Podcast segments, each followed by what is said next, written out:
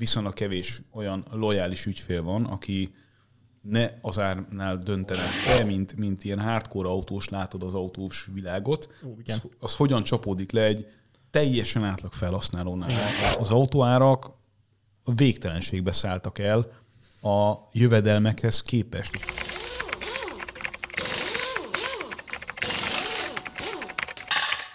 Sziasztok! Alex éppen kijavított engem itt a felvétel előtt, hogy ez már a hetedik adásunk lesz a Behind the Blueprint podcasttal, úgyhogy üdvözlünk benneteket a hetedik adásunkban, ahol ismét köszönhetünk egy vendéget, most pedig Várkonyi Gábor van nálunk, autópiaci szakértő. Szia Gábor! Sziasztok, köszönöm, hogy elhívtatok. És még itt van velünk Alex is, és Kis Dávid. Alexet is hívhatjuk lassan vendégnek, sziasztok. Igen. Azért, azért reméljük, hogy ez majd vissza fog változni egy kicsit a műsorvezetővé. Gáborral kicsit beszélgetni fogunk arról, hogy ő honnan indult el, mit is jelent az, hogy valaki autópiaci szakértő, ugyanis maga a podcastunk az uh, tulajdonképpen műszaki témákat dolgozott fel eddig, és nekünk tök érdekes az, hogyha valaki megmutatja nekünk az autózásnak a biznisz oldalát is, mert ahogy te is mondtad még itt az előzetes beszélgetésünkben, a biznisz nélkül nincsen műszaki. Gábor, te honnan indultál ezzel az egész dologgal? Tehát neked honnan jött ez, hogy um, autópiacot vizsgáljál különböző szempontok szerint? Mindjárt elmondom, viszont hadd kérdezzek vissza, hogy találtatok rám? Mert abból szerintem így össze tudjuk rakni a két történetet nagyjából. Személyes érdeklődés. Nekem, nekem legalábbis az volt, ahogy megtaláltam a blogodat a Facebookon, úgyhogy én onnan mindenképpen. Mm. Hát sok helyen elmondtam, és nem tudom melyik részével kezdje, meg mennyire menjünk vissza időben. Engem a, a kereskedelmi oldala az rettenetesen érdekelt mindig az autózásnak, de az autózás meg mindig is a, a központi témája és, és életem játéka volt. Tehát kicsi gyerekkoromtól fogva, onnantól fogva, hogy kinyitottam a számot, és elkezdtem beszélni, az autó körül forgott minden. És nem, egyszerűen nem volt kérdés soha az életemben az, hogy én ne e köré, tehát túlzottan nagy volt a szenvedély mindig is az autózás iránt, hogy ne e köré szervezem az egész életemet. Viszont én mindig egy ilyen, egy ilyen nagy, nagy távolsággal és óriási respektel néztem azokat, akik mondjuk a műszaki oldalával olyan mértékben tudnak foglalkozni, mint én, mert hogy engem meg ez a része egyszerűen annyira nem tud lekötni. Ha. Tehát ez a, ez a, meg hát nincs is hozzá tehetségem, tehát ez ennyire egyszerű, hogy, hogy én nem az ilyen, szóval ebben a világban én nem mozgok otthonosan, mm-hmm magyarázni, meg, meg beszélgetni azt. ilyen ja, az, az nekünk most nagyon jó. Tehát ez, hogy, akkor megtaláltad a helyet akkor. Hogy legyen némi ilyen önkritika is, tehát hogy uh, nyilván ezek, a, ezek az ilyen faktuálisan kemény dolgok, ezek, ezek uh, hogy egy kicsit önmagamat figurázzam ki, ezek mindig ilyen ilyen ingoványos talajnak számítottak nekem. Pont azok? Pont azok, igen, ilyen szempontból pont azok, mert hogy engem egyszerűen az a része érdekelt mindig az autózásnak, hogy, hogy mennyire lenyomata egy autó, és erről pont beszélgettünk, mielőtt beültünk ide beszélgetni, hogy mennyire lenyomata egy autó a korszellemnek, a társadalmi helyzetnek, a, az optimizmusnak, vagy a pessimizmusnak gazdaságilag, a, az általános popkulturális vonatkozása mi az autózásnak. És azt gondolom, hogy az internet előtt egy-egy korszakkal sokkal izgalmasabban és mélyebb, mélyebben és gyökeresebben tudott egy-egy autó és egy-egy modell összeforni. Tehát miért, miért mondod ezt? Lassabb volt az élet, Aha. értelemszerűen, kevesebb volt az a modell, az a zaj, ami körülvett bennünket az autóipar kapcsán, és, és egy ilyen, ilyen organikusabb, valóságosabb világban éltünk, amikor amikor a mérnököknek a, és az autógyártóknak a feladata az volt, hogy kihozzák a maximumot abból, ami, ami rendelkezésre áll, mint erőforrás. Tehát a, a legjobb, legszebb, legerősebb, leg-leg-leg-leg-leg, legminőségibb, uh-huh. és végig lehetne sorolni ezeket a dolgokat itt egy skálán. Szóval az volt a, az volt a feladat, hogy vagy mindig egy, egy lépéssel vigyük előrébb a dolgokat. És most nem a nem a, ezekhez a sztereotípiákhoz akarok itt most visszanyúlni, hogy akkor nem tudom, az interneten minden rosszabb lett, meg elidegenedtünk, meg nem tudom mi. Nagyon boomerek leszünk, hogyha erről beszélünk. Igen, ugyanakkor szerintem az élet egyéb más területein is ugye ugyanezek a folyamatok lezajlottak. Tehát, hogyha filmeket nézzük, vagy a könyveket nézzük, vagy, a, vagy úgy általánosságban szerintem a, a kultúrát, akkor, akkor azt lehet mondani, hogy kicserélhetőbb és, és semmit mondóbb lett egy csomó minden az életünkben. Benne az autózás is. Azért látjuk így, mert ebben most éppen benne élünk, mert nekem most, hogy hallgattalak, az jött eszembe, hogy tényleg a, megnézel egy filmet például, abból tudod, hogy melyik évtizedben játszó itt nagyságrendek, hogy látod, hogy milyen autók vannak benne, azok hogy néznek ki, milyen stílust képviselnek, hogyan öltözködnek, stb. És annak, annélkül, hogy akár pontos típusokat ismerni, be tudod lőni azt, hogy na ez 50-es évek Amerika mondjuk. És ehhez képest ma ebben benne élünk, és lehet, hogy 2050-ből visszatekintve ezek az autók, amik most közlekednek, ugyanilyen évtizedhez köthetőek lesznek. Biztos, hogy 2050-ben senkinek nem lesz már saját autója, úgyhogy az egy, az egy merőben más világ lesz ilyen szempontból.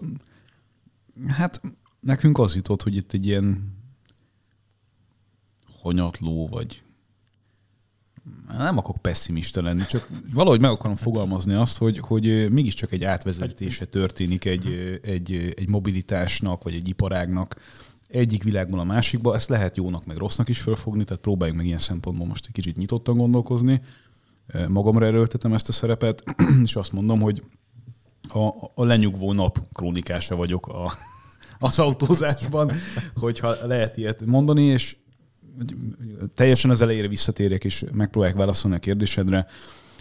Én elméletileg közgazdászként, politológus közgazdászként. Ez a kérdésem, hogy melyik irány, tehát hogyha elkezdünk arról beszélni, hogy most akkor hogy kerültél ide, akkor ilyen a tanulmányok, stb. Ezt, ezt végeztem a Corvinuson, de nekem soha nem volt a fejembe az, hogy mondjuk egy multinál dolgozzak, vagy egy alkalmazotti létet kezdjek meg, egyszerűen nem, nem működik az én személyiségem ebben a, ebben a közegben.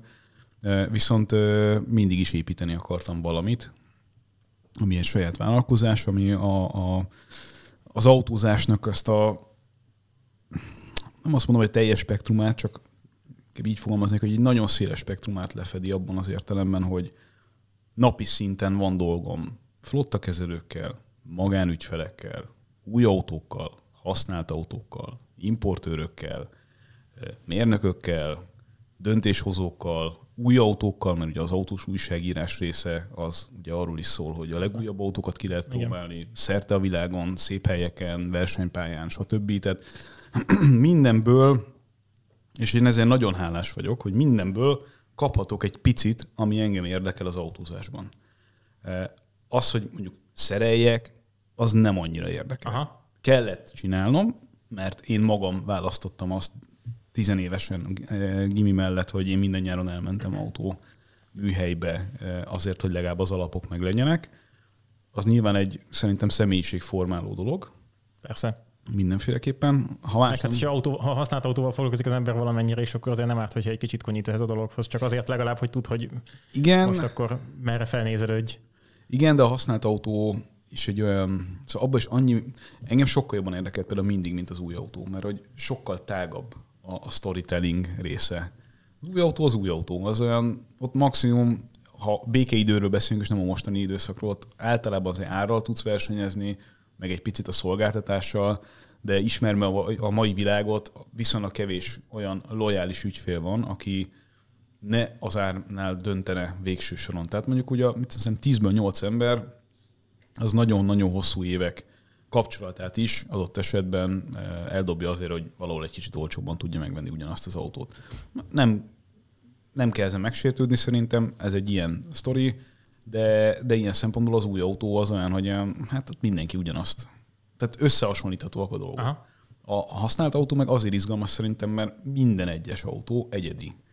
És amikor mondjuk eh, tizenévesen az autószalomba, a műhelybe dolgoztam, akkor nekem az volt az izgalmas, hogy, hogy összekötni azt a konkrét autót azzal, hogy ezt vajon milyen ügyfél. Aha. Tehát ki az, akinek ilyen retkes az autója például, vagy ki az, aki ennyire pedáns, vagy ki az, aki egy ilyen kombinációjú konfigurációjú autót lerendel meg. Mi volt a fejében akkor, amikor egy, amikor egy ilyen autót összerakott? Vagy ki, ki hajthat egy, egy XY vagy Z típusú autót? Ezek, nekem ezek az izgalmas dolgok. És ezek ilyen tudom, ebben, hogy benne van nagyon ez a, ez a, ez a humán faktor, Hát igen, de végső soron az emberek használják az autót, tehát hogy nagyon, nagyon jó dolgokat ki lehet találni a, a tervező asztal mögött, csak hogy utána annak, annak valami, vagy legalább valamilyen használnak le kell csapódni a végfelhasználónál. Ez a lényeg, hogy, hogy az nagyon izgalmas, amikor nagyon közvetlen visszacsatolásod van arról, hogy ahogyan te, mint, mint ilyen hardcore autós látod az autós világot, Ó, igen. az, az hogyan csapódik le egy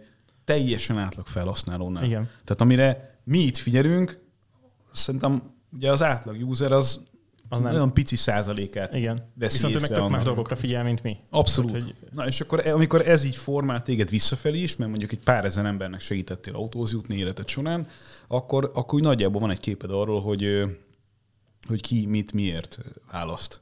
És ezeket a sztereotípiákat, tehát amikor fejre meg tudod mondani egy emberről, hogy körülbelül milyen autót akar majd venni, Vagy autóról meg tudod mondani, milyen fej lehet benne. abszolút.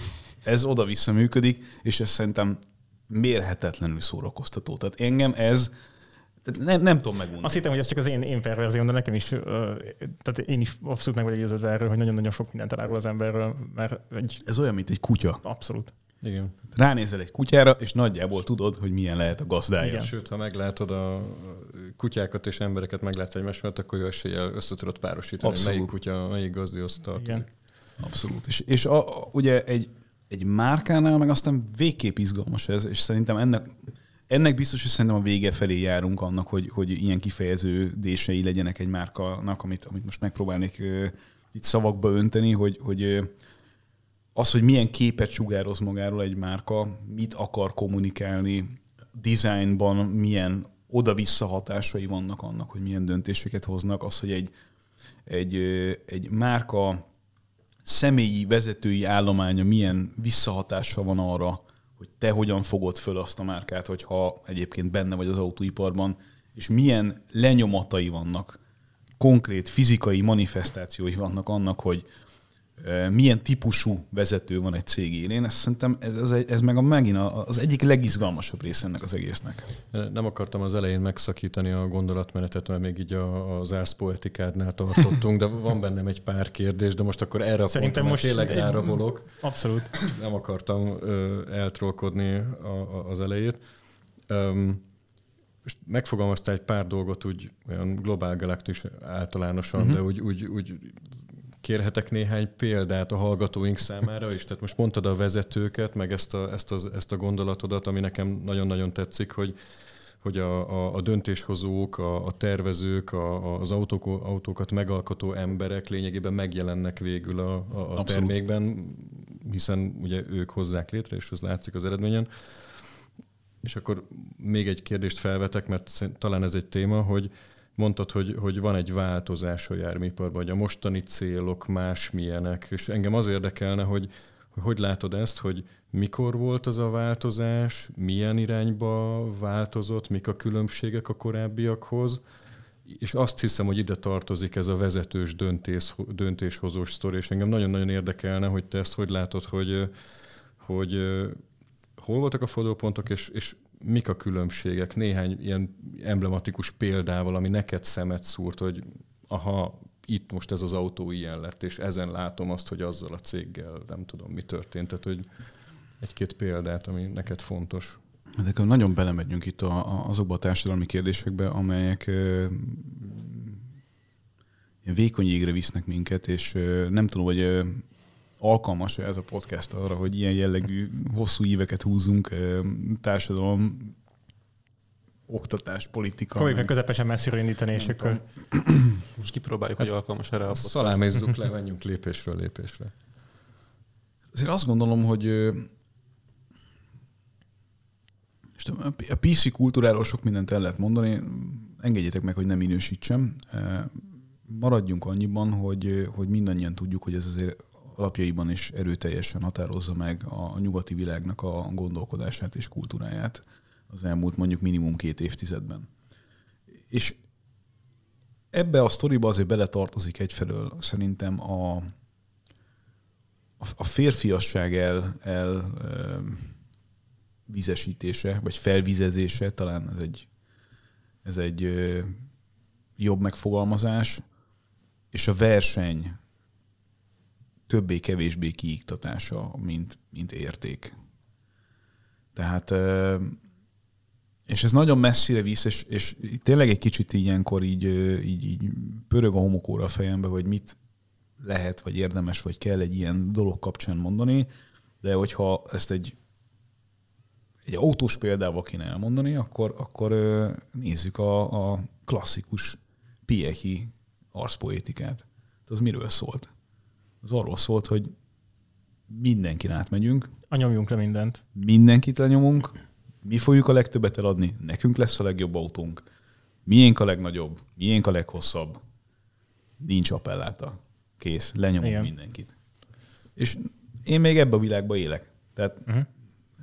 ettől én lehet, hogy ennyi idősen is már egy boomer vagyok, de hogy a teljesítmény, tehát ahogy a német mondja, ugye, von nichts kommt nichts, ez egy, ez, egy, ez egy más világ volt. Most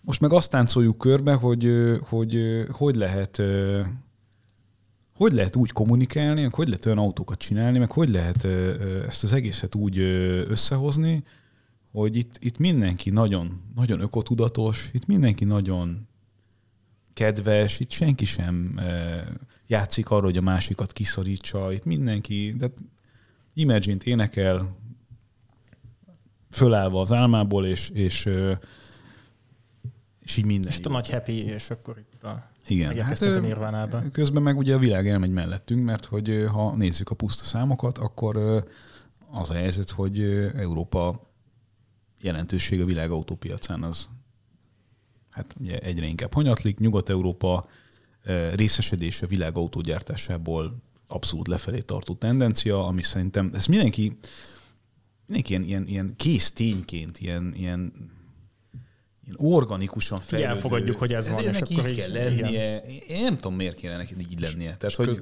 Közben még zöldebbek sem lettünk igazából, meg happybbek sem lettünk. Engem, engem ez zavar egyébként ebben, hogy, hogy tehát nem, szerintem nem az a nem az a probléma, hogy nem egy ilyen, egy ilyen erőszakos valamilyen légkör van a járműiparban, ami egyébként régebben volt, tehát hiba kultúra, erőszak kultúra, járműipari vállalatokban ilyenekről beszéltek az emberek. kérdezek, nincs most is, csak máshogy. Nem terülődött el ugyanez az agresszivitás egy másik területére hát, a egy ilyen passzív agresszivitás van egyébként, tehát egy olyan fajta, amit én látok, egy, egy olyan fajta feszültséggel teli légkör van, ami nagyon-nagyon improduktív. De azt akartam kihozni, hogy, hogy én azt hiszem, én úgy értettem, hogy most nem azt akartad sugalni, hogy minden járművállalat élére kell egy, egy agresszív, megnyomorító ember. nem. nem. Nem, tehát csak, hogy mielőtt valaki Persze. félreértené, hanem inkább döntésképes és, és vizionárius emberek hiányoznak inkább. Na, hát ott ebből a párbeszédből gyönyörűen kijön a mérnök és a, és a közgazdász nem tudom, kanalizáltsága ugyanannak a történetnek. Tehát Igen. te arról beszélsz, ami a, ami a napi fájdalmad, hogy, hogy nem látod, hogy, hogy merre viszik előre a dolgokat. Erről Igen. beszéltünk is, egyébként még nyáron is, meg most is ugye néhány mondatban, és ez tökéletesen látszik a végterméken, erről is beszéltünk, hogy egyszerűen a mai autók jelentős részében ugyanaz a bizonytalanság, ugyanaz a kacsázás, ugyanaz a döntésképtelenség uh-huh. rajzolódik ki. Ez, tehát, ha például tudsz esetleg erre mondani, az tök érdekes lenne, hogy neked mi volt az, ami így kuránsan szemet szúrt ebben. Amikor a, az ennedik autót, és márkától függetlenül az ennedik autót teszteled az elmúlt két-három évben, ami egyszerűen minden ízében ki lehet ilyet mondani, hogy szarabb, mint az elődje, de legalább 30%-kal drágább. Tehát ez egy, ez egy ez, ilyenek, ilyenek nem voltak régen, hogy, Aha. hogy hogy á, lépésről lépésre egy visszafele. Igen. Hogy egyfelől á, hogyha még kapsz valami rendes motorral, valami normális autót, ami van némi élet, akkor azt megünnepled, mert hogy már annyira ritka meg még írsz hozzá egy monológot, hogy ez az utolsó, ez, ez az, az utolsó, igazi, és akkor így leszük be a igen, megfelelő márkát. Egyfelől, másfelől meg a, a teljesen átlagos autóknál is, amikor, amikor nem látod a, a beígért fejlődés bizonyos dolgokban, azt viszont látod, tehát mondjuk nézzük a fogyasztást a downsizing hmm. kapcsán. Tehát eléd rakják a háromhengeres motort, azzal az ígérettel, hogy ez majd mennyivel kevesebbet fog fogyasztani, mint egy Szívó 1.6-os. Tudom, hogy ez már egy nagyon elcsépelt példa kezd lenni, és már erről nagyon sokat beszéltek az elmúlt években, és ja Istenem, a szívó motor, meg nem tudom, de szóval ennek a gyakorlati részét nézzük már meg. Tehát amikor, amikor azt mondják neked, hogy kedves autótesztelő, itt van egy autó, aminek a listára 40%-kal magasabb, mint az előd modellé nagyjából, és papíron ez fantasztikus dolgokra képes, aztán elkezdett használni, és, és, és egy retek. Fantasztikus fogok nem, nem jönnek. És Egyébként ez nem lehet, hogy azért van, mert ugye manapság azok a módszerek, hogy legutatjuk azt, hogy mire van igénye az átlag felhasználónak, és az átlag felhasználó ugye nem mi vagyunk, mert te is azért keresed a vezetésnek az élvezetét, mi keressük az érdekes műszaki tartalmat, ugyanúgy olyan autót kapjunk, amit jó élmény vezetni, jó reagál a gázra, jó a kormányérzetes, stb. stb. De senki ez mind olyan dolog, amit nem, nem ez nem azért nem érdekel senkit, mert már nincsenek ilyen autók. hogy én nekem ez meggyőződésem, hogy, hogy, hogy ez így nem magától veszed ki a... De, de várjatok, az előbb megállapítottuk, hogy az európai járműipar hanyatlik. Tehát akkor nem mondjuk már azt, hogy ez csak értem a gondolatod, meg, meg jogos, de, de, de így még Nem csak... azt mondtam, hogy ez jó, hanem nem, azt de... mondtam, ez a magyarázat esetleg arra, jó. hogy lekutatjuk az átlagot, hogy az átlag mit vásárol, és annak az, eredmény, hogy átlagos autót fogunk csinálni. De, ha me, de hogyha ez sikerülne, akkor nem lenne szabad csökkenni az eladásoknak. Mert itt, akkor itt, eltaláltad volna, hogy mit akarnak, akkor jön, venniük kéne. Így jön szerintem az, ami az a pontja a dolgoknak, amiről szintén nagyon sokat szeretek beszélni alapvetően, és szerintem rettentesen meghatározza az egészet, miközben egy nagyon nem látványosnak tűnő téma úgy, hogy a sorsunkat dönti el ennek kapcsán. És ezek pedig ugye azok a szabályozói oldali, meg uh-huh. adózás oldali kérdések, meg, meg pénzügyi alkimiával kapcsolatos ö, ö, finanszírozási ügyek, amik ezt az egészet egy olyan sínre tették, ami, aminek az eredményét most itt látjuk. Nekem... Még, most még mielőtt ezt az utcát kinyitjuk, mert nagyon-nagyon sok olyan témába belentünk, mert amiről rengeteget tudnánk beszélni, de említettük itt azt, hogy hiányoznak az autóipari cégek éléről a karakáns vezetők, akik jelölnek egy irányt, és azt bármi áron átviszik, és mindenképpen el szeretnék érni ezt a célt. Itt hadd dobjam be a Tesla kártyát, hogy az a cég az nem ilyen módon működik, csak éppen pont az elektromos autós irányban, hogy van egy olyan vezetője, aki bármi áron el akar érni egy célt, és valamilyen módon ezt el is éri. Kérdés az, hogy autóműszaki szempontból az a tartalom az hol van mondjuk egy európai gyártáshoz képest, meg kérdés az, hogy egyébként azoknak az autóknak hol van helye ebben az ökoszisztémában, de ez történik, csak más és modern eszközökkel, hogy karakán módon megyünk egy határozott cél irányába. Ezt úgy skippelném. Tudom, hogy muszáj rá válaszolni, de, de számomra az nem egy autós cég. És ez, ez nem egy degradáció. Az valaki degradációként éri már egyre többen, fel, fel, tehát egyre többen felismerik ezt. Ez abszolút egyetértek, hogy nem egy autós cég a Tesla, és most szintén nem mint pozitív vagy negatív példa mondtam, hanem mint a jelenség is egyébként. Akár csak az autóiparban is trend az, hogy a, az érték, ami megjelenik az autóban, az most már egyre inkább szoftver alapú. Persze, hát ez, ez, ez visszafordíthatatlan. Ezt, ezt hozta magával, és Csak, ezt csinálja. Hát ez szerintem, hogy a Tesla hozta-e ezt magával, vagy meggyorsította ezt a folyamatot, amit az autógyártók megpróbáltak elhúzni, ez egy, ez egy tyúk vagy tojás kérdés szerintem. Biztos, hogy ezekben a kérdésekben nagyon sok helyen paradigmaváltás van. Nekem, nekem pont a, az egyik alapvető bajom azzal, ahogy most vagyunk, meg ahogyan most reagálnak ezekre a dolgokra, hogy egy csomó mindent egyszerűen szolgáljan lemásolnak. És nem értem azt a azt, a, azt az egyszerű egyszer egyet, hogy miért nem, e, miért nem jut el az agyuk. Ez ugyanaz, mint a politika. Tehát, hogy egy van, aki első ebben a kérdésben. Ha te utána elkezded ezt lemásolni, akkor soha nem leszel hiteles ebben az ügyben. Mindig a második leszel, aki lemásolta az elsőt. Ha ugyanakkor neked vannak saját értékeid, meg saját kompetenciáid, azokat meg közben egyébként kidobod az ablakon, azért, hogy lemásolj valamit, amiben te mindig csak második lehetsz, legjobb esetben is, akkor az azt szerintem nem egy jó útra tereled a cégedet. És ezt a fajta e, tízel botránnyal összefüggésben lévő önbizalomhiányt látom az autóipar minden területén Európában. Nem azt, hogy nem tudnák, e, hogy, hogy merre van az előre, vagy nem azt, hogy nem tudják, hogy e, hogy mi a jó autó, vagy nem az, hogy elfelejtettek. Hát hiszen egyszer tudtuk. Tehát, hogy... Meg most is tudják. Csak egyszerűen olyan, mint hogy ezeket az értékeket már szégyelni kellene. Mint hogyha ezek az értékek meghaladott dolgok lennének, miközben a nap végén ugyanúgy jó autót kell csinálni. Az egy másik kérdés, hogy vannak olyan új szereplők az autóiparban, akikkel azért nem számolt az autóipar, mert a belépési korlát olyan magas volt, és a technológiai előny olyan mértékű volt, hogy egyszerűen nem tudták elképzelni, hogy lesz egy olyan pont, főleg nem az IT oldaláról, amikor elkezdi őket valaki keményen challenge Az idők végezetéig ellettünk volna azzal, hogy a német trió viszi előre a, a, a, a dolgokat. Az idők végezetéig. Ha nem jön a dízelbotrány per, nem jön a politika szerelme az elektromobilitással. Erre is lehetett volna értelmesen reagálni szerintem, törvényhozói oldalon is, meg gyártói oldalon is, de a, ehelyett inkább azt választották, hogy egy második Teslát szeretnének lemásolni, amiben egyszerűen nem lesznek hitelesek ebben a kérdésben, mert ö, nagy koncernként nem tudsz nem tudsz ilyen sztorikat csinálni. Nem, nem lesz ebben jó. Ez olyan, mint a, az egész autógyártó úgy néz, egész autógyártás ehhez képest, és most hagyjuk, hogy ez fundamentálisan hol van, jogos vagy nem jogos, ezt az egészet akadémikus vita szerintem. Lényegtelen, mert nem az a lényeg, hogy, hogy a Tesla mint autó jó vagy nem jó, az a lényeg, hogy egy, egy nagyon-nagyon jelentős kör elhiszi ezeket a dolgokat, amiket állít magáról. Nagyon jelentős kör. És piaci tényező, és foglalkozni kell vele. De, de ehhez képest meg tényleg a, úgy néz ki az autóipar, mint az a mém, amikor a, a, a hirtelen akartam nektek mondani, a, az a nagyon ronda fejű színész, aki a Fargóba is benne volt, nem fog eszembe jutni basszus. Uh. Szégyen, majd mindjárt utána nézek. Szóval a, lemegy egy ilyen music band pólóban, hogyha így, így megvan nektek ez a mém.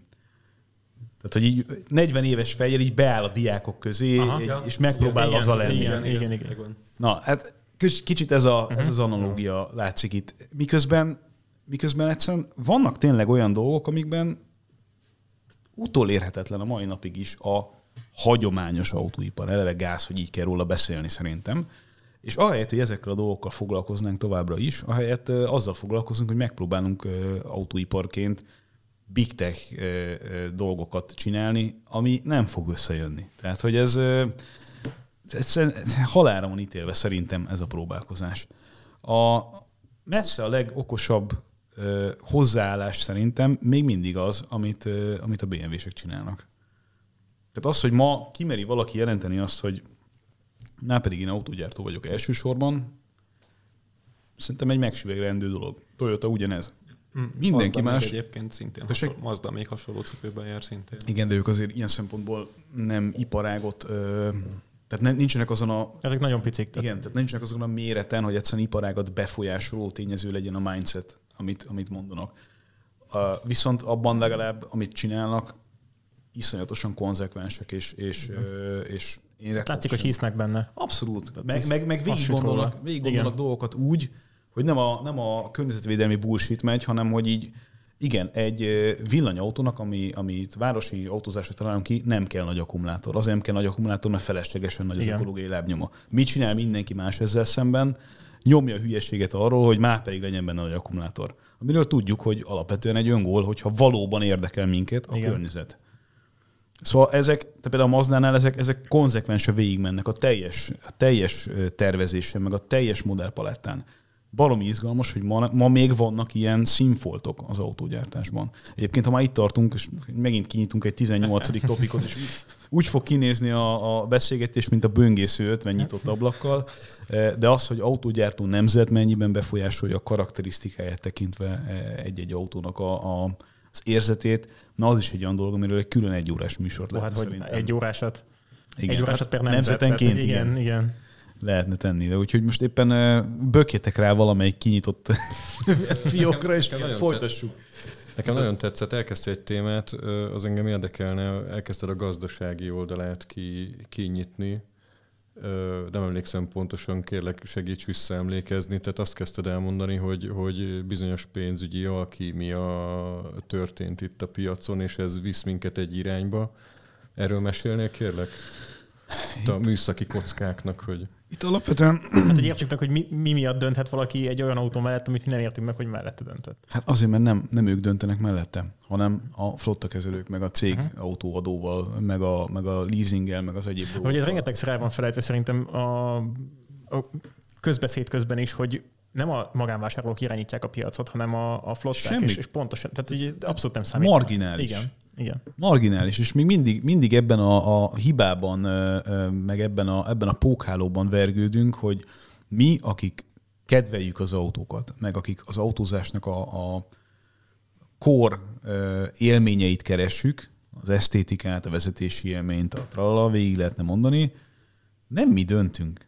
Huszadlagos. Annyira, annyira kevés ember az, aki mondjuk privát emberként adózott jövedelemből képes ilyen autókat új autóként megvásárolni, hogy nem piacbefolyásoló tényező. Ezt azért érdekes hallani, mert én ugye haszongépjárműves környezetből jövök most leginkább, és ott ezt rendszeresen mondjuk, hogy hát nálunk az, hogy mennyi a total cost of ownership, az annál jobban semmi sem számít, hiszen a flotta kező csak ez alapján dönt. Bezzeg a személyautónál ott még vannak érzelme alapú döntések, és ott még olyan autót kell csinálni, amit szeretnek az emberek. Egy millióból egy biztos van. Igen, csak ö, ne, például látod a haszongépjármű ezért nem érdekel soha. Ott nincs, ott nincs meséje. Ott, ott az van, Ott hogy a szám kiadja, számok, és és ennyi, kész. Na, de a, mondjuk a 80-as évek, 90-es évek még nem erről szóltak alapvetően az autóiparban. Mert ott még a magánvásárlók aránya, meg, a, meg az autók elérhetősége, meg a jövedelem per autó ár teljesen más képet mutatott. Ugye a, a, az autóárak a végtelenségbe szálltak el a jövedelmekhez képest, és ez nem kelet-európai szemszögből kell nézni, Igen. hanem nyugat-európai Abszolút, szemszögből. abszolút. Sőt, most már azt lehet mondani, ami ugye régen értelmezhetetlen volt, hogy észak-amerikai Pont ezt akartam mondani, hogy, hogy ott van az abszolút durvaság, ami most, most történik a piacon. Hát olyan áremelkedések vannak, hogy nem is tudom, most most láttam talán összefoglalóban, hogy átlag használt autóár, az, az azt hiszem, hogy Egy, 30, ö, vagy 30 40 ezer dollár környékén 40 ezer emelkedett. dollárra emlékszem én 42 most talán. már. Valami nagyon, Tehát tehát ilyen, valami, De a használt autóban, tehát hogy ez azért eszetlen dolog. nem akarok most hülyeséget mondani, de majd utána tudunk nézni adás után, de, de tényleg tehát agyrém. Abszolút agyrém. Hát ez már önmagában meglepő, és agyrém, hogy én amikor vettem egy használt autót, akkor arra számítottam, hogy azt a pénzt, hogy most ebbe belefektettem, azt így el is dobhattam volna, mert azt soha többet nem fogom viszont látni. Ehhez képest három éve már azt látom, hogy ugyanannyiért vagy többért tudnám eladni az autót, amit vettem. Pedig Igen. egy teljesen átlagos autóról van szó. Jó, ebben ugye nyilván az inflációt, meg az egyebeket Ja, is persze. bele kell nézni, tehát hogy azt, hogy most nominálisan ugyanott vagyunk, vagy fölötte vagyunk, az nyilván vásároló szinten nem ugyanazt jelenti. Csak eddig esése volt szinte arra, hogy nominálisan persze. szinten maradjon az ár az autónak. de, nem volt, de nem volt szűkület Igen. a, a, Igen. a kínálatban. Igen. Tehát, hogy olyan nem volt, hogy ugye pont hiszem tegnap raktam ki ezt a hírt, hogy, hogy 1,9 millió autó van normális esetben hirdetve, tehát majdnem 2 millió van hirdetve a mobilén, most meg 1,2 millió. Tehát de brutális. Pont azt olvastam, és ezen teljesen meg volt öreg, és akkor pont megnéztem az itthoni oldalon, és körülbelül ilyesmi. Igen. Még nem teljesen ennyire durva a csökkenés, de azért itt is nagyon kemény. Igen, igen, igen, igen. De hogy visszalépjünk Vissza- erre a, a sztorira, tehát azért hogy néz ki ma az autópiac? Hogyha nyugat-európai autópiacot nézzük. Látod a hirdetéseket olyan, olyan havi összegekkel, hogy így, így nem érted, hogy mi van. Tehát 50 ezer eurós autó, és akkor nem tudom, 500 euró havonta, meg ilyen. Ugye Mhm. pénzügyi alkimia alatt azt értem, hogy nyilván van beugró, meg van korlát kilométerben, meg szóval minden, mindenféle ilyen, tehát ki, minden számot ki lehet hozni, amit ki szeretnénk hozni, hogyha ha havidíjról beszélünk, bármilyet, ezt, ezt mindenki tudja, aki ebben a bizniszben van. Nyilván a potmétereket kell különbözőképpen állítgatni. De azért az, amikor elszakadtunk a valóságtól, a valóság alatt azt értem, hogy magánember a saját pénzéből, saját felelősség alapján, saját döntést meghozva a tartóságot, meg az autó alapvető tulajdonságait figyelembe véve hoz egy döntést valami mellett, az volt a valóság. Az volt az autózásnak az az időszaka, amikor a terméknek kellett jónak lennie. Most meg arról beszélünk, hogy abban a három évben hogy tudjuk úgy ki eh, matekolni a dolgokat, hogy úgy nézzen ki, mint hogyha, mint hogyha ez egy nagyon kedvező ajánlat lenne egy flottakezelőnek, vagy egy olyan cégnek, amely igénybe veszi ennek az autónak a, a, a használatát erre az időszakra. És ugye itt nagyon-nagyon-nagyon nagy mértékben a, a rettenetesen torzító cégautó adó, meg cégautó leírás, meg minden egyéb ilyen dolgok vannak benne a képletben, ami miatt egyszerűen nem éri meg másként nézni erre az egészre. Tehát a, a, a céges autópiac és annak irányítása az abszolút nem az autóról szól, hanem arról szól, hogy az autógyártó olyan autót gyártson, ami belefér azokba a feladatok, vagy feladványokba és keretekbe, amiket egy holland, egy francia, egy német törvényhozás és, Tehát és az adózási keretekben minél Igen. inkább úgy alakuljon, hogy az kedvező legyen a... És ennek semmi köze nincs a- ahhoz, hogy, hogy, hogy te, én, bármelyikünk itt mit választana magának.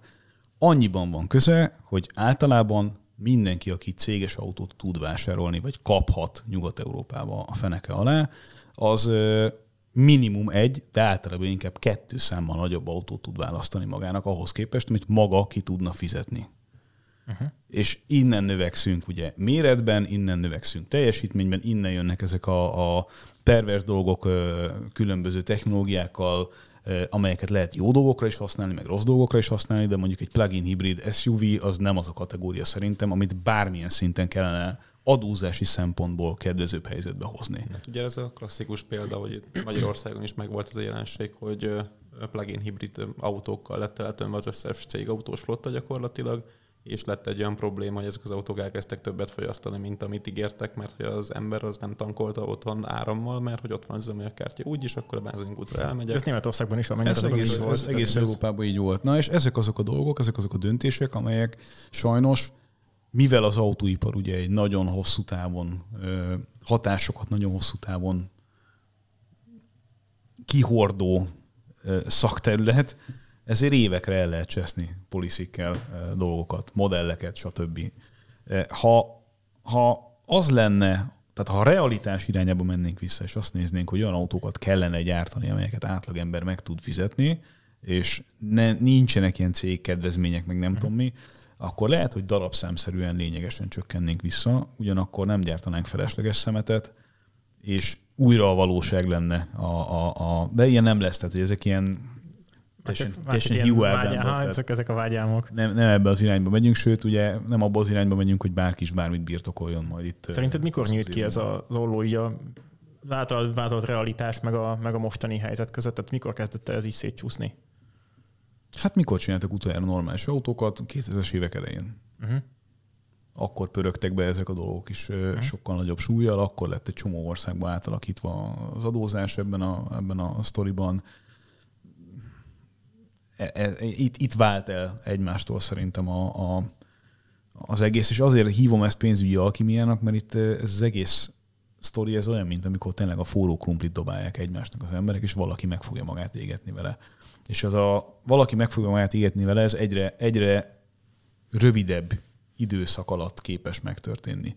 Ugye most már elkezdtek arról szépen cikkezgetni, amit mindenki, hát ti végképp, de mindenki, akinek van egy, egy kicsi józan paraszti esze, pontosan láthatod, hogy mondjuk ezek a halára bonyolított mindenféle cuccal teletömött autók, ezek javíthatósága és költséges ö, ö, problémái, ezek, ezek nagyon komoly kérdéseket vetnek föl már nagyon rövid idő alatt. Tehát itt elbúcsúzhatunk attól, hogy 15 évesen még egy autó működni fog, holott akkor megint megkérdezem, hogy mi ennek az egésznek a célja. Ha az a célja, hogy legyünk zöldebbek, akkor nem hiszem, hogy az a normális dolog, hogy Hat évente cseréljük az egészet. igen. És akkor az újrahasznosíthatóságról még nem is beszéltünk. Tehát, hogy rövid, rövidebb élettartam, és, És sokkal nehezebb. és Igen. mit csinálsz?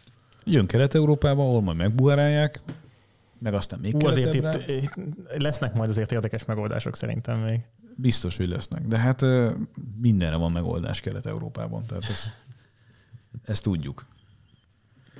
Fú, uh, melyik, melyik másik megnyitott böngésző oldalt nyissuk ki itt a... Me- me- Mennyire kanyarodtunk az eredeti tervektől? Én direkt meg sem Azokat szerintem előtt, csak lecsukhatom a laptopot, tehát hogy ezt, én, ezt vagyok, szerintem köbö, köbö el lehet Igen. engedni, úgyhogy uh, hát itt ilyesmiket írtam még föl, hogy te, hogy indul, hogyan indult ez az egész céges karrier, tehát hogy, hogy építetted ki a, a, a céget magát, meg hogy mik a tehát tevékenységterületeket már érintettük azért, hogy újságírástól elkezdve azért flotta kezelés, stb. Alapvetően foglalkozol. 600 körüli autót adunk át egy évben ügyfeleknek, ezek között vannak céges ügyfelek, vannak magánügyfelek, vannak olcsó autók, vannak drága autók, vannak gyűjtői darabok, vannak teljesen egyszerű, nem tudom, a lányomnak jogosítványa lett, és szerezzünk egy másfél milliós autót, amivel el tud kezdeni vezetni. Mi, mi, minden. Tehát tényleg 100 millióért vegyünk veterán autót, mert el akarjuk rakni, mert az majd még Azok a egyszer. munkanapok azért nem rosszak. El lehet őket viselni, igen. Bár nyilván ezekkel járnak általában különböző egyéb, ö, hogy mondjam, fenék összeszorítós pillanatok, de minden, minden, minden, ami ilyen autózással kapcsolatos ö, történet. Olyanok is persze, amikor, amikor különböző autós cégeknek mondjuk a a dealer hálózatától kezdve a, a, az egyéb aspektusain át mondjuk arról kell beszélnem adott esetben, hogy én hogyan látom az autózás jövőjét, vagy hogy mondjuk Európa szerte törvényhozói oldalon milyen jelentős változások várhatóak, vagy mi az általános percepció azzal kapcsolatban globálisan, hogy mondjuk az autóipar merre megy tovább, vagy hogy kitől várhatunk komolyabb kihívásokat. Szóval, hát meg a blogírás, meg szóval Tehát így az egész is. nap Aha. arról szól, hogy, hogy, hogy autó. Neked mi jöttem úgy előbb ez az újságírós vonal, vagy pedig a, a céges vonal, vagy a kettőt együtt építetted így fel? A kettőt mindig párhuzamosan tartottam a fejemben, azért, mert ugye ahhoz, hogy egy tetszőleges ügyfélhez kellő információt tudja elvinni, ahhoz azért kell, hogy legyen elsődleges tapasztalatod arról, hogy egy-egy Persze. autó milyen. És ehhez kellett az, hogy, hogy ezeket az autókat ki is tudjam próbálni, értelemszerűen. Nyilván ez egy élvezetes dolog is, de önmagában az újságírásban én ilyen életre szóló feladatot, vagy egy olyan dolgot, ami így, így, így százszázalékosan lekötne, sosem láttam, ahogy a másik oldalban sem. Eh, ahogy az sem lett volna nekem egy opció, hogy mondjuk egyetlen egy márkával foglalkozzak, mert mondjuk itt egy márka kereskedést akarnék csinálni, mert mindig, vagy, vagy akár egy, vagy egy klasszikus kereskedés, mert ez mindig arról Igen. szól, hogy a, azt a portékát, ami nálad van, azt, azt tolni kell. valamire, tehát valahogy beleilleszted Igen. ez is jó tud lenni, tehát nem, ez nem, csak ne, nekem ez nem tetszett. Ez egy sokkal szabadabb dolog, hogy van a világ autópiaca, vagy a magyar autópiac, vagy legalább Európa autópiaca, és akkor van valakinek egy igénye, és akkor, akkor tényleg végigvesszük a pontokat, hogy számára ebben az élethelyzetben, ezekkel az anyagiakkal lehet-e esetleg jobb döntés egy új autó egy használt helyett, vagy lehet-e fordítva egy új helyett egy használt egy jobb döntés, a finanszírozás, a nem tudom, hozzuk-e külföldről, megtaláljuk-e itthon, meddig tartsa meg. Hát igen, az autó, Végtelen. autóvásárlás azért nem egy olyan, vagy legalábbis eddig nem az a, nem az a szintű dolog volt, hogy bementünk a szupermarketbe és levettük a polcra a doboztejet. És szerintem a jövőben sem lesz az. Tehát ez a meg akarjuk venni online, ez, ez szerintem nem akarok ilyen nagy szavakat használni, hogy ez mindennek a félreértése, de valahol azt gondolom, hogy ez mindennek a félreértése. Én szerintem az emberek nagyon döntő többsége mi- mindig is meg akarja majd nézni azt az autót, amit meg akar vásárolni. Az egy más kérdés, hogy kevesebben akarnak majd vásárolni, és az is egy más kérdés, hogy az a szegmens, akit az említett konkurens kiszolgál, azok a vásárlók amúgy se érdeklődnek. Zömében. Nem azt mondom, hogy nincs ilyen, csak zömében nem érdeklődnek a klasszikus autós dolgok iránt. Meg azért egy autóvásárlás az szerintem nagyon fontos pont egy ember életében, egyrészt gazdaságilag is, tehát hogy ekkora mennyiségű pénzt elkölteni, a többet talán csak ingatlan lehet. Vagy Lassan már hát, pariban, na jó, nem, de és, és egyébként meg az autóban szerintem az az érdekes, hogy ez a legkomplexebb műszaki tárgy gyakorlatilag, amit egy átlagember meg tud vásárolni, mert nyilván repülőgépet meg űrállomást senki nem fog vásárolni magának. de És, szorosan mögöttem van. és szorosan mögöttem az, hogy egy autóban milyen műszaki tartalom van, és hogy mekkora csoda az, hogy egy ilyen komplex rendszer ez összeáll, nem csak műszaki szempontból, hanem olyan szempontból is, hogy mondjuk például egy autógyártás hogyan működik, és, és mekkora lánc kell ahhoz, hogy ez így egyáltalán el tudjon készülni, és hány ember tervezte azt, hogy ez összeálljon, és a végén ott van a kerek egész. Ez számomra egy olyan sztori, ami, ami Ez egy tudományos fantasztikum teljesen. Ez- ez- ez hogy- egy csoda. De ezt én most azért is mondom ezt annyira, mert öt év után végre sikerült útra tennem a, az autós projektemet, és hogy ezen az öt éven keresztül én annyit szívtam olyan dolgokkal, amiket így az ember teljesen, tehát hogy most nem tudom én ilyen, hogy fényszóró mosó, vagy, vagy tehát ilyen tök triviális dolgok, amiket így az ember abszolút magát, meghúzom azt a kart, és akkor hát fényszóró mosó, hát most ez mi ez a nagy dolog. működik. Igen. És akkor, jó, ez most egy tök egyszerű példa volt, de hát nyilván vannak ilyen turbofeltöltők, meg intercoolertől elkezdve, meg nem tudom én, tehát így ö, olyan komplex cuccok vannak belépítve egy autóba, és hogyha ezt mindet egy embernek kell összehozni, hogy ez működjön, akkor az így megkopaszottam, beleőrültem, tehát így elszegényedtem, minden van bele, ennek az egész témának a végére. És, és mégis akarod. És mégis akarom. És, és újra most, kezdenéd most is. Hát azt azért, most még azért nem, de már van egy másik, amit amúgy elkezdtem korábban, de, de hát ez igen, ez függővé van tesz. Másik. Van másik, de tehát ezt szerintem... Jani, hány autód van most? Hát most három. Abból mennyi működik? Kettő. Ez már ez sokkal jobb arány, mint ami eddig volt, nagyon sokáig. Kétharmad. Ennyi. Minden esetre én nekem tök az, az a durva ebből, hogy annyira az életünk részévé vált az autó, hogy ezt így, aki átlagosan belül és elmegy minden nap munkába a kis otthoni autójával, az nem fogja fel, hogy ez basszus, ez, hogy millió számra gyártjuk ezeket az irgalmatlanul komplex dolgokat, ez kész csoda, hogy ez működik. És ugye az élet nem igazságos, és ez alatt azt értem, hogy azok a haszonkulcsok, amiket az autóiparban lehet realizálni, azok ehhez a műszaki bonyolultsághoz mérten röhelyesek. Ez egy volumenjáték.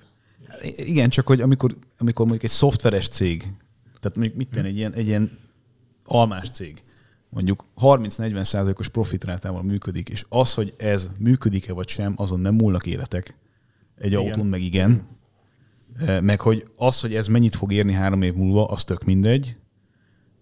Egy autónál meg nem. Tehát, hogy ez az egész, ez, meg hogy az, hogy en, ennek... Ez pozícionálás kérdése. Van szerintem az, az autó, mint szintén 30-40 százalékot lehet keresni. De egy általánosságról Van, beszélünk most. Tehát, tehát azok ilyen, ilyen ö, spéci hát autók, hát, tehát sportautók, luxusautók. Hát igen, de az almás cég az ide is pozícionálja saját magát. Nem, nem, nem, nem, nem, nem. Ez az egy teljesen tömegterv. Mindenkinek van ilyenje. Mindenki. 911-esen nincs mindenkinek. Ezt akartam. Igen. A Porsche például bajnok abban, ja. hogy elképesztő haszonkulcsal tudjon árusítani autókat. Javítsatok ki, vagy, vagy Gábor, javíts ki, de a, a, én úgy látom, hogy a járműipar az egy nagyon-nagyon-nagyon régi iparág, ami igazából majd, hogy nem amióta létezik, folyamatosan csak növekedett, és ö, volt ideje ki alakulni egy olyan kiélezett versenynek, és meg is volt az a volumen a folyamatos növekedés miatt, hogy tök jó volt, hogyha volt kétszázalékod az autón, akkor te már bajnok voltál. Viszont most olyan időket élünk, amikor, amikor vannak olyan válságok, egy keresztbe hajó, egy vírus, egy, egy ö, már eleve korábban is készelődő válság, ami olyan irányba mutat, hogy lehet, hogy lesz majd valami, tehát megtorpanás, zsugorodás még talán nem, bár annyira nem ismerem az, a, a piaci számokat. De ne, zsugorodás. Zsugor, ne, Sőt, hát, zsugorodás is van? Hát kimond, kimondott stratégia zsugorodás. Oké, okay. és hogyha, hogyha elnézünk messzire, egyszer már utaltál rá, hogy lehet, hogy már csak bérletünk lesz, és nem saját autónk, és van ez a bizonyos önvezető jövő, amit néha itt szoktunk így pedzegetni, hogy útnak megfelelően éppen hívok egy olyan autót, ami éppen nekem kell, és a többi, az, az autógyártás szempontjából meg az abszolút zsugorodás lesz Persze. valószínűleg.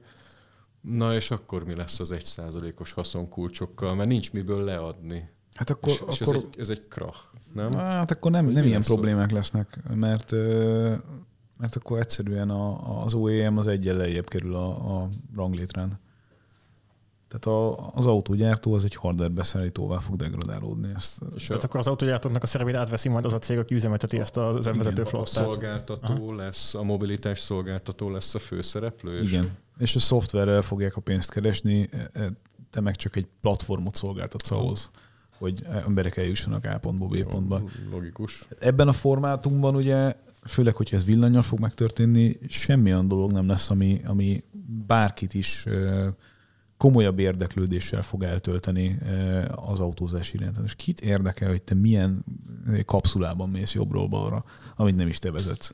Hát a kapszula belseje esetleg a design. Hát egy kapszula belsejében, de abban nem, abban nem fogsz beleszeretni. Tehát egy, egy autó... Nem, nem, lesz az individu, tehát az nem lesz az individuumnak a, a jelképe ott, az, hogyha mindegyik ugyanúgy fog kinézni, akkor téged az nem fog zavarni. Sőt, szerintem, szerintem már most egyébként egyre, egyre szomorúbb az a része a dolgoknak, hogy az individualizáció, mint egy rettenetes költség föltornászó része az autógyártásnak, az ugye azt, azt nyesegetik vissza.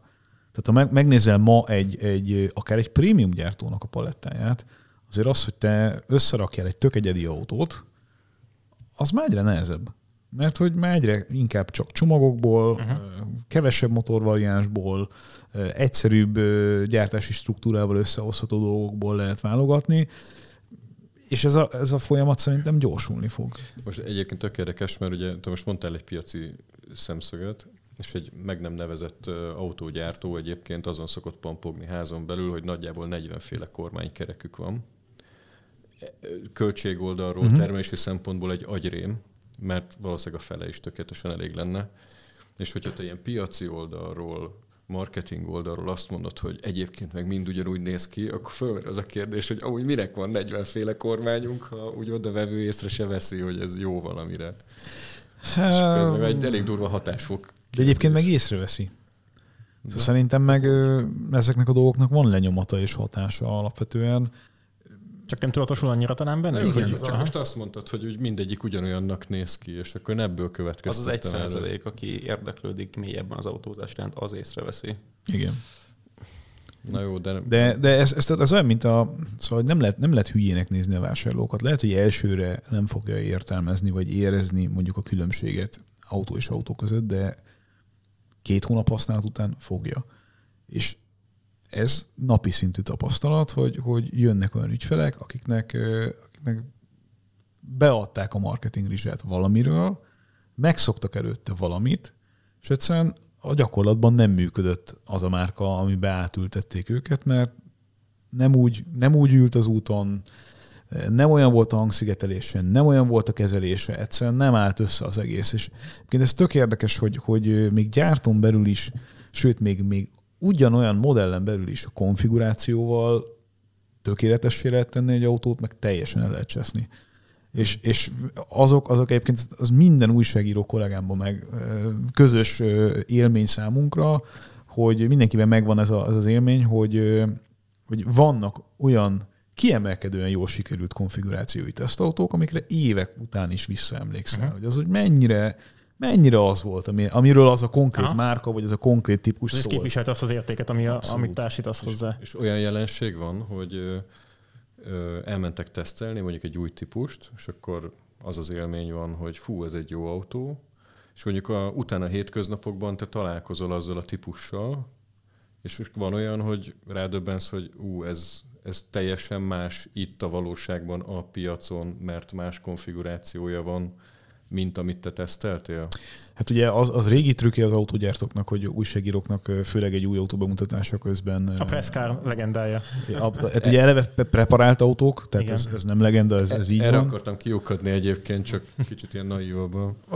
De ugye egy, egy két dolgot említsünk meg, ugye a felszereltséggel való, való manipulációt, amivel Igen. ugye el tudnak vinni az erdőbe, mert általában ugye egy, egy lényegében teljesen felszerelt Igen. autót adnak oda az esetek többségében, meg még preparálva is van valamennyire.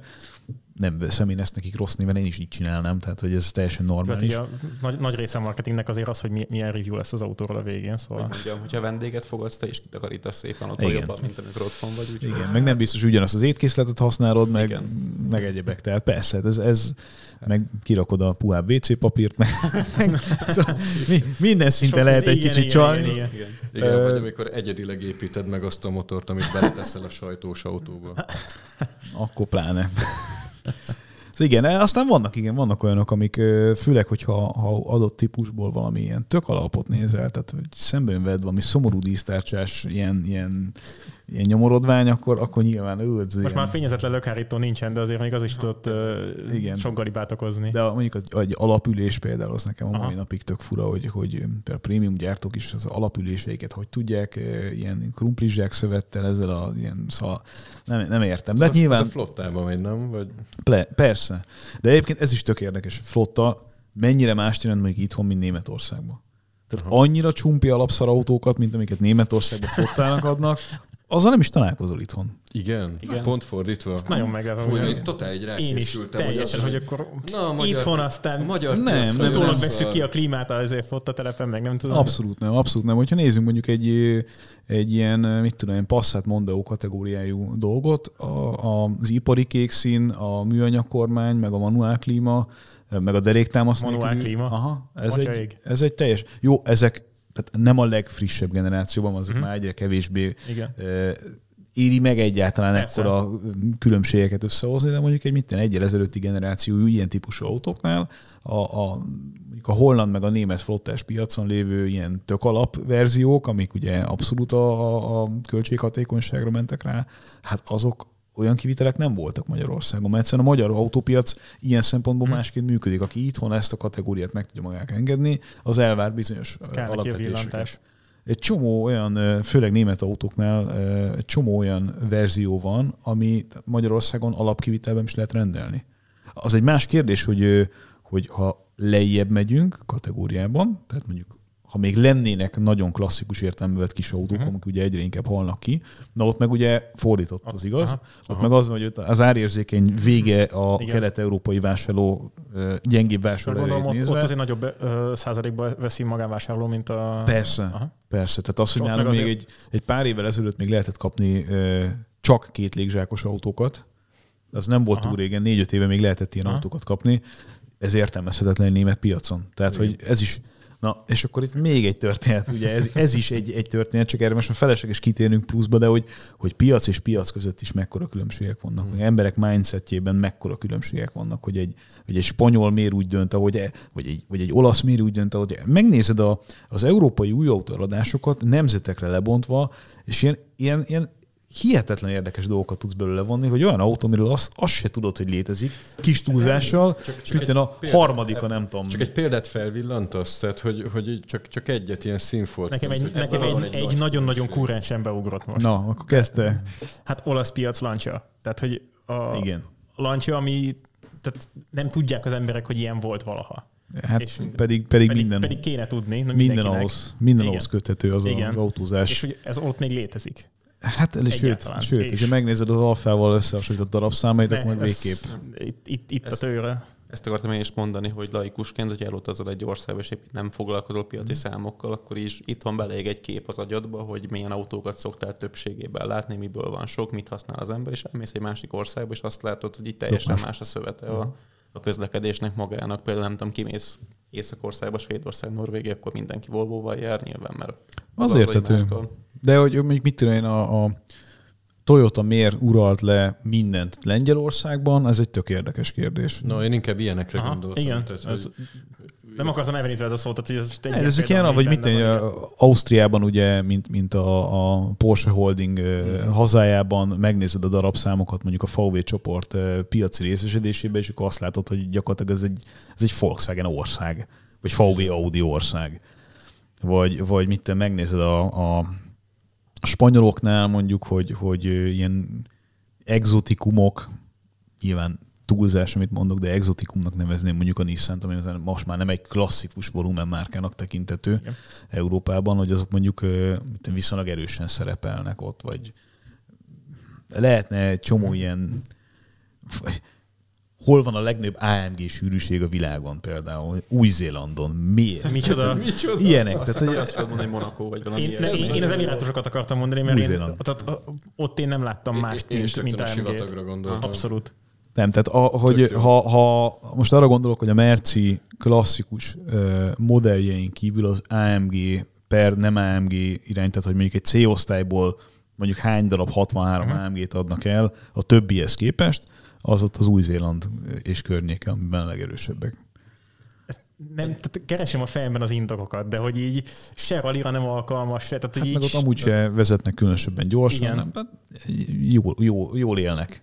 Kész. Gábor, javíts, hogy tévedek, de hogyha indokolatlan dolgokat kell mondani, akkor azt hiszem, hogy azt hallottam múlt hét környékén, hogy a G-osztályú Mercedesből többet adnak el AMG kivitelből, mint simából. Igen.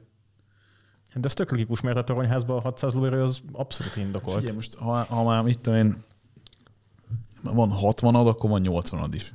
Nem? Tehát Persze. akkor ennyi. Tehát Nekem tök, szerintem ez az a szindróma, egy nagyon rövid ideig voltam egy, egy BMW kereskedésben, és, és ott, ott mondták ezt, hogy ott a két felhő szokott általában érkezni, és vagy, az, aki így fillérezgetve így nézeget, hogy most akkor melyik checkboxot x be, és akkor úgy pont kiadja az a igen. modell. Vagy az Másik meg bejön, és akkor nekem abból kell a fullos, és ennyi. És hát gondolom a G-osztály az most már ide jutott, hogy Mit lehet még beletenni, hogy egy kicsit drágább legyen?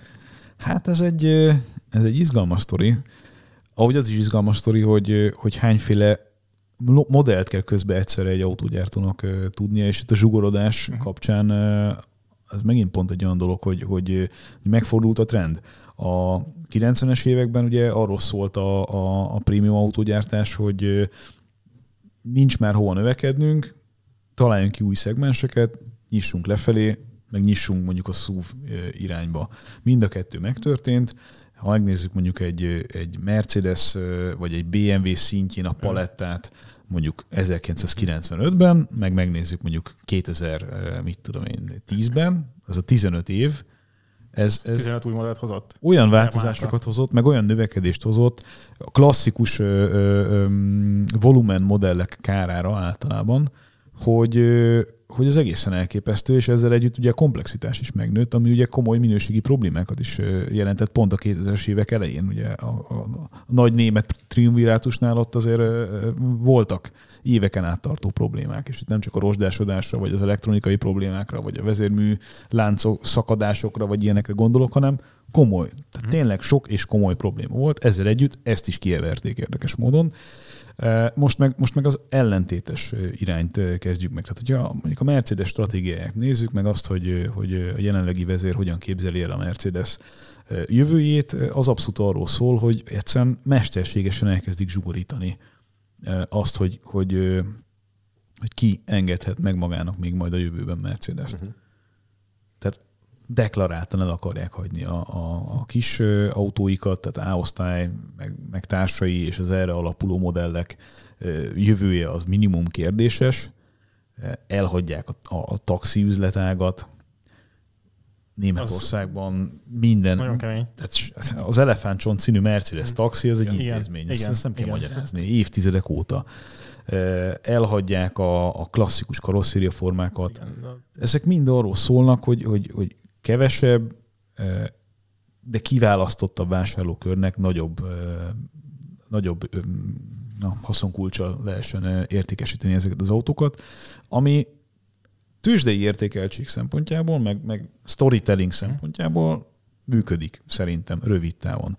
Ugyanakkor azért az autógyártás itt a, a Brot und Butter autókról is szól, hogy megint egy ilyen németes kifejezést hozzak, és ezt nem szabadna szerintem elfelejteni, mert ez a szegmens, ez kiszolgálásra vár, és hogyha valaki önkéntesen úgy gondolja, hogy ebből elbúcsúzik, akkor jönnek a konkurensek, és oda fognak menni. Ez észak-amerikai autópiacon egy tipikus, tipikus jó példa erre, mondjuk a koreai meg a japán autógyártóknak a, a a mozgása, ami ugye úgy néz ki, hogy, hogy a, az entry level autókat azt, a, azt az amerikai autógyártók elhanyagolták. Tehát a kis szedán, meg a nem tudom... Hát a 80-as évektől kezdve már ott ugye ez így eltűnt talán.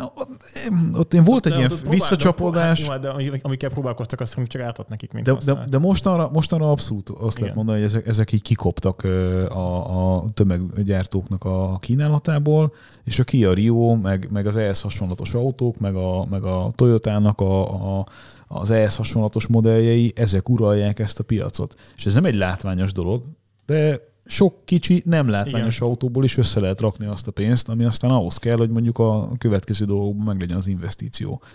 Egyébként egy Amerikát megragadva csak, hogy még egy böngésző fület nyissunk, itt beszéltük azt, hogy csak Európában utazó nemzetek között mekkora különbség van autóvásárlási vásárlási szokásban, de az, hogy mekkora különbség van az amerikai meg az európai autóipar között, mind stílusban, mind műszaki megoldásokban, mind a felvő közönségben, mind az alkalmazásban egyébként, hogy hogy használják az autót, az is szerintem lenyűgöző, hogy egy ilyen, ilyen globális világban két tök ugyanolyan dolog, vagy tök hasonló dolog mennyire más irányba tud és fejlődni. mennyire nem bírják megérteni a németek azt a piacot, ez Igen. fantasztikus. Tehát, hogy, hogy annyira, annyira keményen próbálkoznak, és egyszerűen nem, nem, nem értik meg.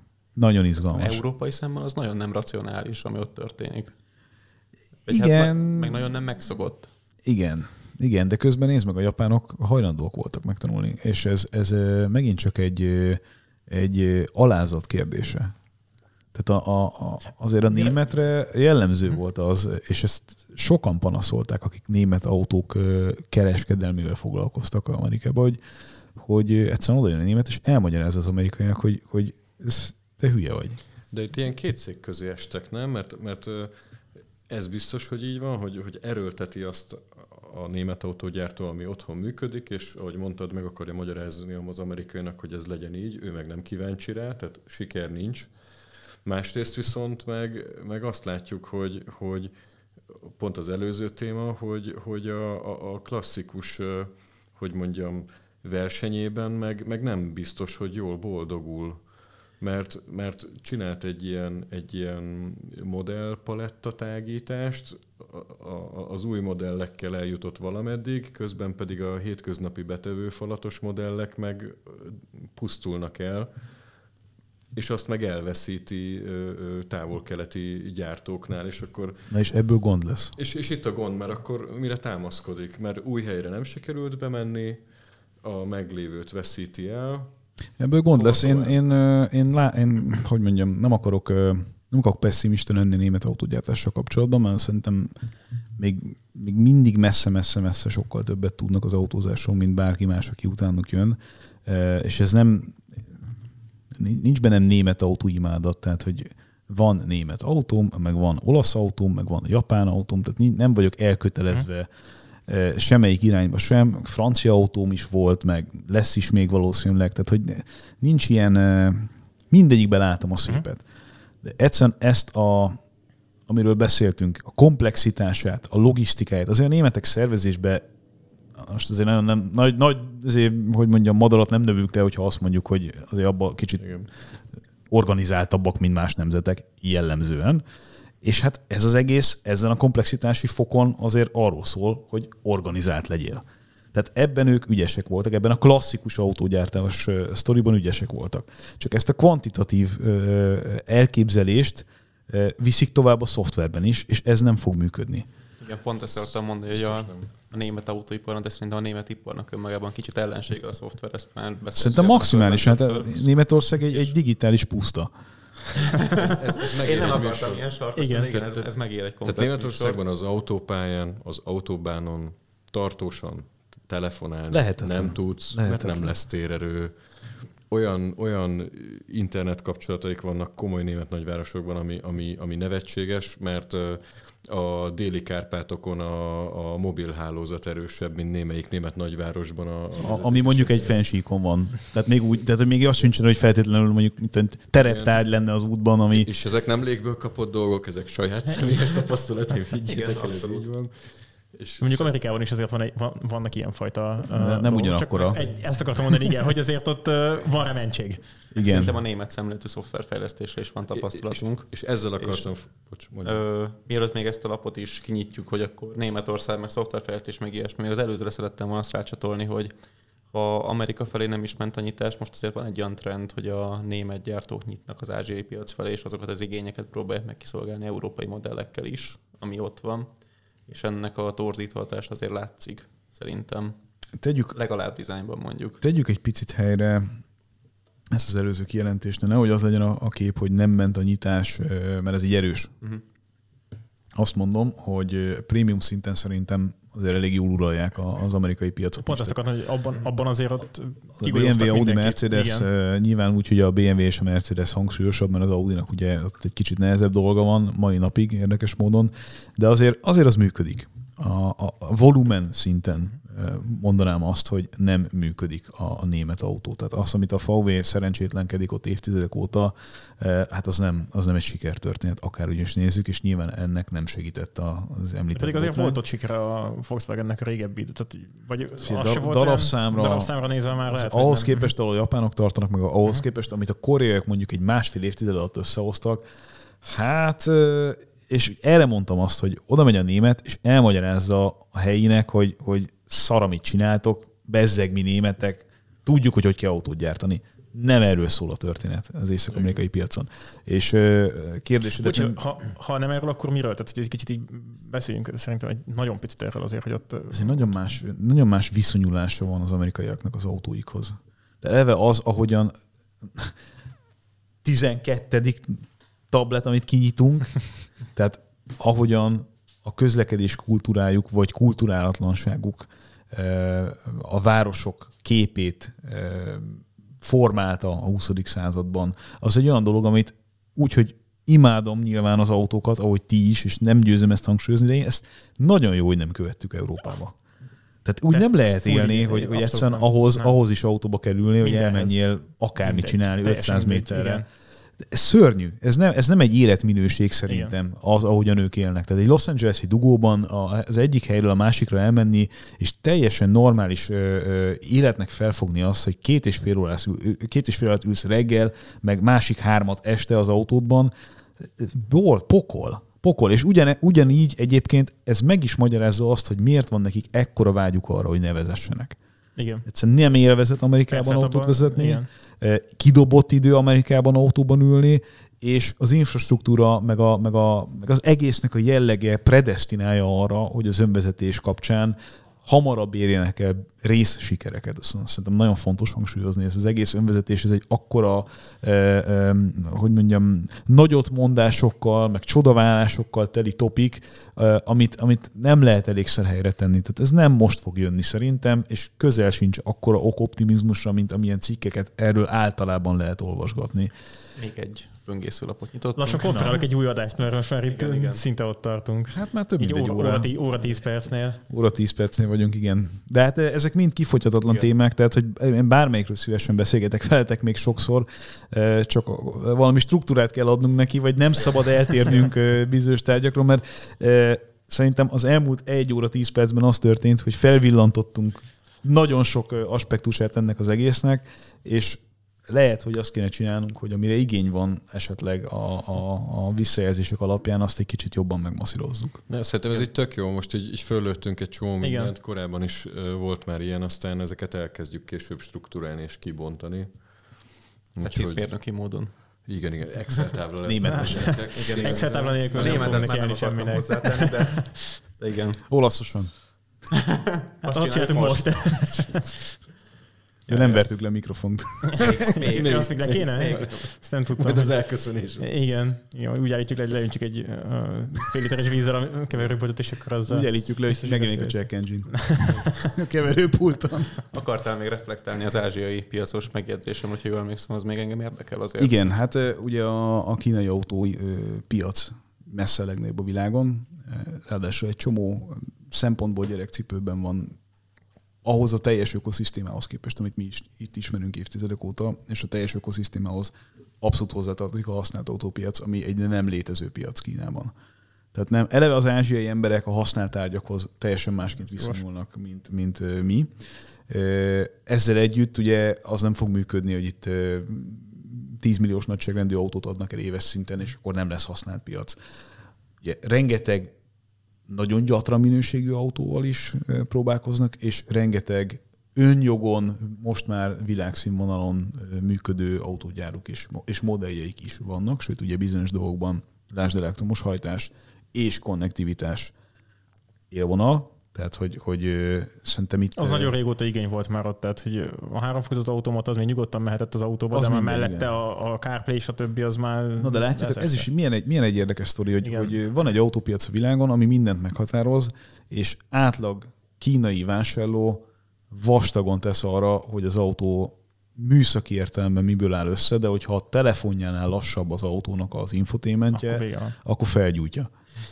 Tehát teljesen más sztori. Igen. Engem annyira nem tud érdekelni, hogy elmondani nem tudom, de de nem így működik a történet, és nyilván erre lényegesen nagyobb ö, ö, erőforrásokat kell ö, egyszerűen allokálni, amit még egyszer az európai autógyártás élen a németekkel valahogy úgy képzel el, hogy akkor beállítunk több szoftvermérnököt. De ez nem így működik. Igen. Van, van, hallottam olyan véleményt, ez csak egy ilyen kis felvillantásként, hogy a német járműiparnak a szoftver igazából csak az a baj, hogy bizonyára valahol van néhány olyan szent tehén vezető, akit még nem sikerült kilőni, és végre ne ők határozzák meg, hogy mi legyen az irány, mert azzal, hogy még több mérnököt fölveszel, hogy mondtad, azzal ők ezt nem fogják megoldani, ott, ott egészen alapvető. Ott alapvetően máshogy kell hozzáállni ez a kérdéshez, és itt én ebbe csak a buborékfújást látom még mindig. Tehát a bejelentések sora az, az végtelen, Igen. Ö, nem kell lenézni azt, amit eddig el- elértek, csak, csak most vagyunk azon a ponton, hogy, hogy egy, egy nagyon-nagyon komoly paradigmaváltás előtt állunk, ami, hogyha nem sikerül úgy, ahogy eltervezik, akkor, akkor az egy mindenféleképpen lefelé tartó és gyorsuló ütemben lefelé tartó trendet indíthat el. Nem mondom, hogy így lesz, de nagyon a, a a, határán táncolunk annak, hogy ez megtörténhet, és itt sajnos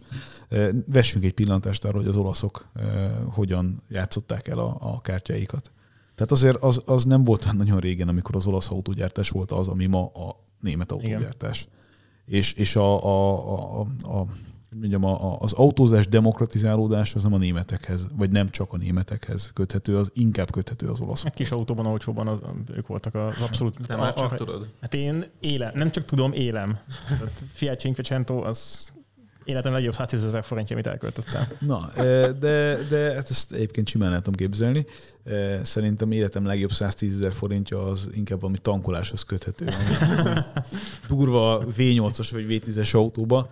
Nem akarok példákat mondani. Akkor de... leghasznosabb talán inkább azt mondod, hogy így forint per, per ilyen, nem tudom, életkomfortjavítás, amennyire furán hangzik ez egy Cinquecentoval kapcsolatban, Simán. ez Mobilitási lehetőségjavítás. Mikromobilitás szó szerint. teljes mértékben, teljes mértékben. Egyébként, hogy a szoftver mennyire nem én hallottam olyan történetet egy meg nem nevezett a német autóipari cég perkein belül, hogy a kedves menedzser megkérdezte, hogy a szoftver az egyébként így tömegre mennyi, mert ő szeretne egységárat számolni, hogyha abból több kell, akkor az mégis mennyibe fog kerülni a fejlesztés alatt.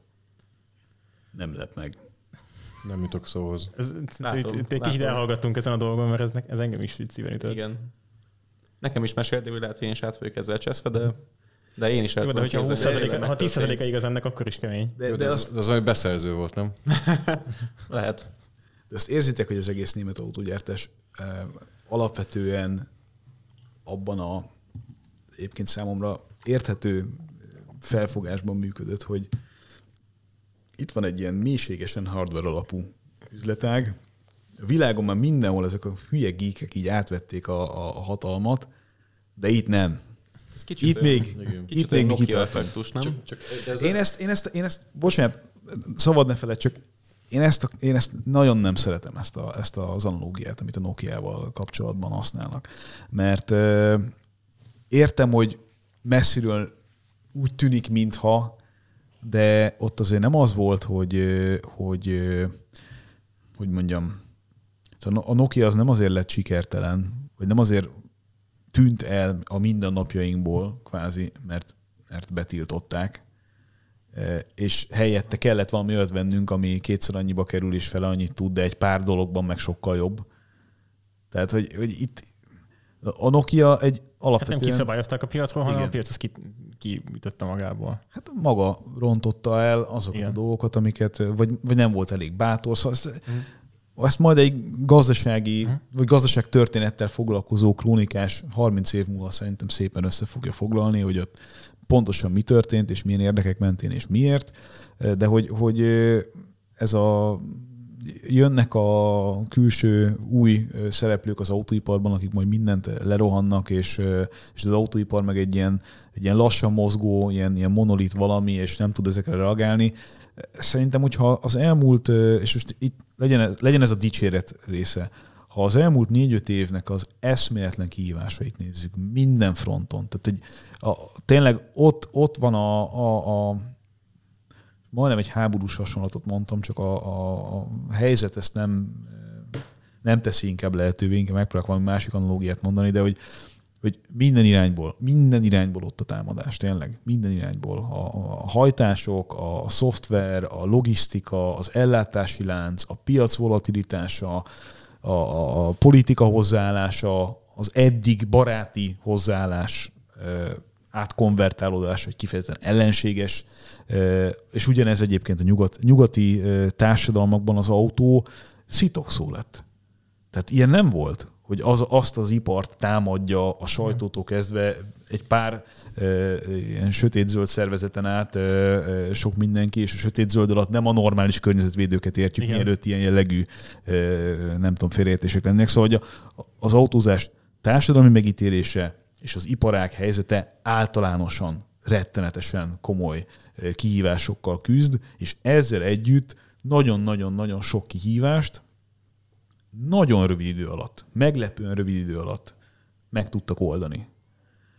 Mind a mellett, hogy, hogy azért a nap végén mindenki pénzből él, és akkor szerintem ez majd, hogy nem jó is így lekerekítő zászlóként, azért rengeteg pénzt kerestek az elmúlt időszakban. Nyilván sok, sok mindennek össze kellett játszani ahhoz, Persze. hogy ez így megtörténhessen, de hát túlélték üzletileg ezeket az éveket, sőt, megtették a megfelelő lépéseket annak érdekében, hogy itt ne legyen fejreállás, hogyha a cashflow-t nézzük.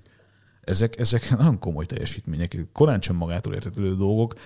Sok ezer alkatrészből áll egy autó. Eleve innen gondoljunk bele Igen. abba, hogy itt mány, hányféle hányféle fejfájás van? Hány ezerszer van hányféle fejfájás egy autó összeállásáig?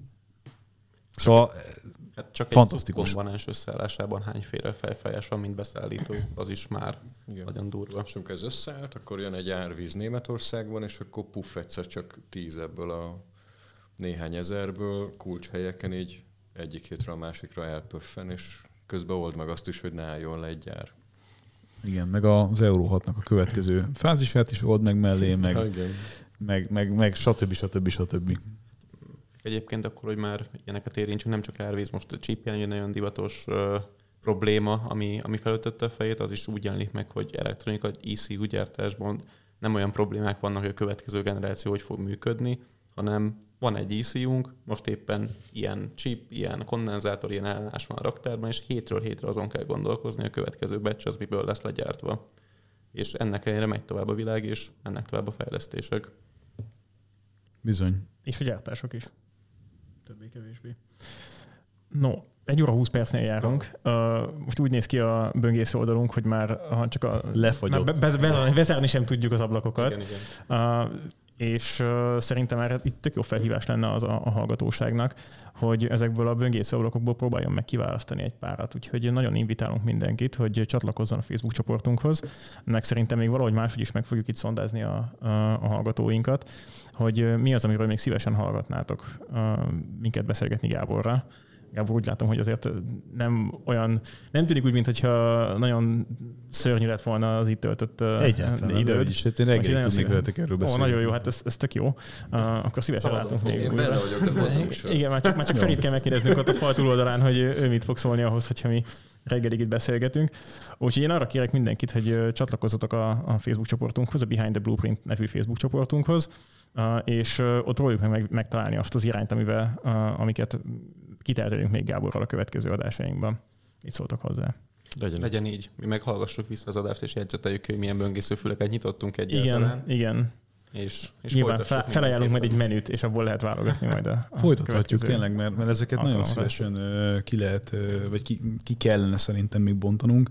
Főleg akkor, hogyha egy picit még nem kell ezekre nagyon készülgetnem, csak hogy szeretek még olyan plusz dolgokat Persze. hozni adott esetben, hogyha valami, valami olyan nagyon konkrét igény fogalmazódik meg, ami, ami esetleg újdonság nektek is. Tehát egy-két számmal lehet támasztani, az igen. mindig segít. Ami egyébként nekem még eszembe jutott, hogy mi most ittuk a szavaidat és hallgattuk azt, hogy így gazdasági szemmel hogyan lehet arra nézni, amit mit csinálunk, de egyszerűen csináltánk fordítva is, hogy, hogy neked mi az, ami így műszaki szempontból így így Abszolút így, benne vagyok. vakargatja az agyadat, hogy az, az érdekel, és akkor te kérdeznél tőlünk olyat, ami külső szemmel, amire talán mi tudunk válaszolni. Reméljük. Csak, csak közben mindig azon is kell gondolkozni, hogy ezt ugye mások is fogják hallgatni. És ami, ami alatt azt értem, hogy az igazán izgalmas részek gondolom nem azok, amiket aztán meg lehet országvilággal osztani. Szerintem ennek a podcastnak éppen ez lenne a kihívása. Igen, hogy, hogy la, laviro, lavírozzunk ezen a területen, úgyhogy meg mondjuk el azt a részét, ami miatt mi ezt szeretjük, és ami miatt érdemes ezzel foglalkozni, és ezek pont ezek a kérdések akár.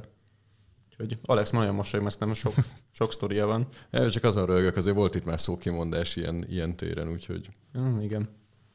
Hát legyen is még. Attól lesz izgalmas legyen is még az biztos. Úgyhogy ö, szerintem ezzel a végszóval el is köszönhetünk a hallgatóktól. Köszönjük, hogy végighallgatotok a mostani adásunkat. Reméljük, hogy tudtatok a lépést tartani nagy, nagyságrendileg azért a témákkal. és hát várjuk akkor a javaslatokat a következőre. Úgyhogy köszi szépen, hogy velünk voltatok, és ö, iratkozzatok fel a csatornánkra, kis harangot megnyomkodni, Spotify, Google Podcast, Encore lesz még itt YouTube is, úgyhogy ö, bízunk benne, hogy minél több platformon tudtok majd velünk találkozni. Sziasztok! Remélem, hogy megcsinálod majd. Így igaz. Ezt ígérgetem már három hete. Köszönjük szépen. Köszönöm, Köszönjük. nagyon élveztem. Sziasztok. Sziasztok. Sziasztok.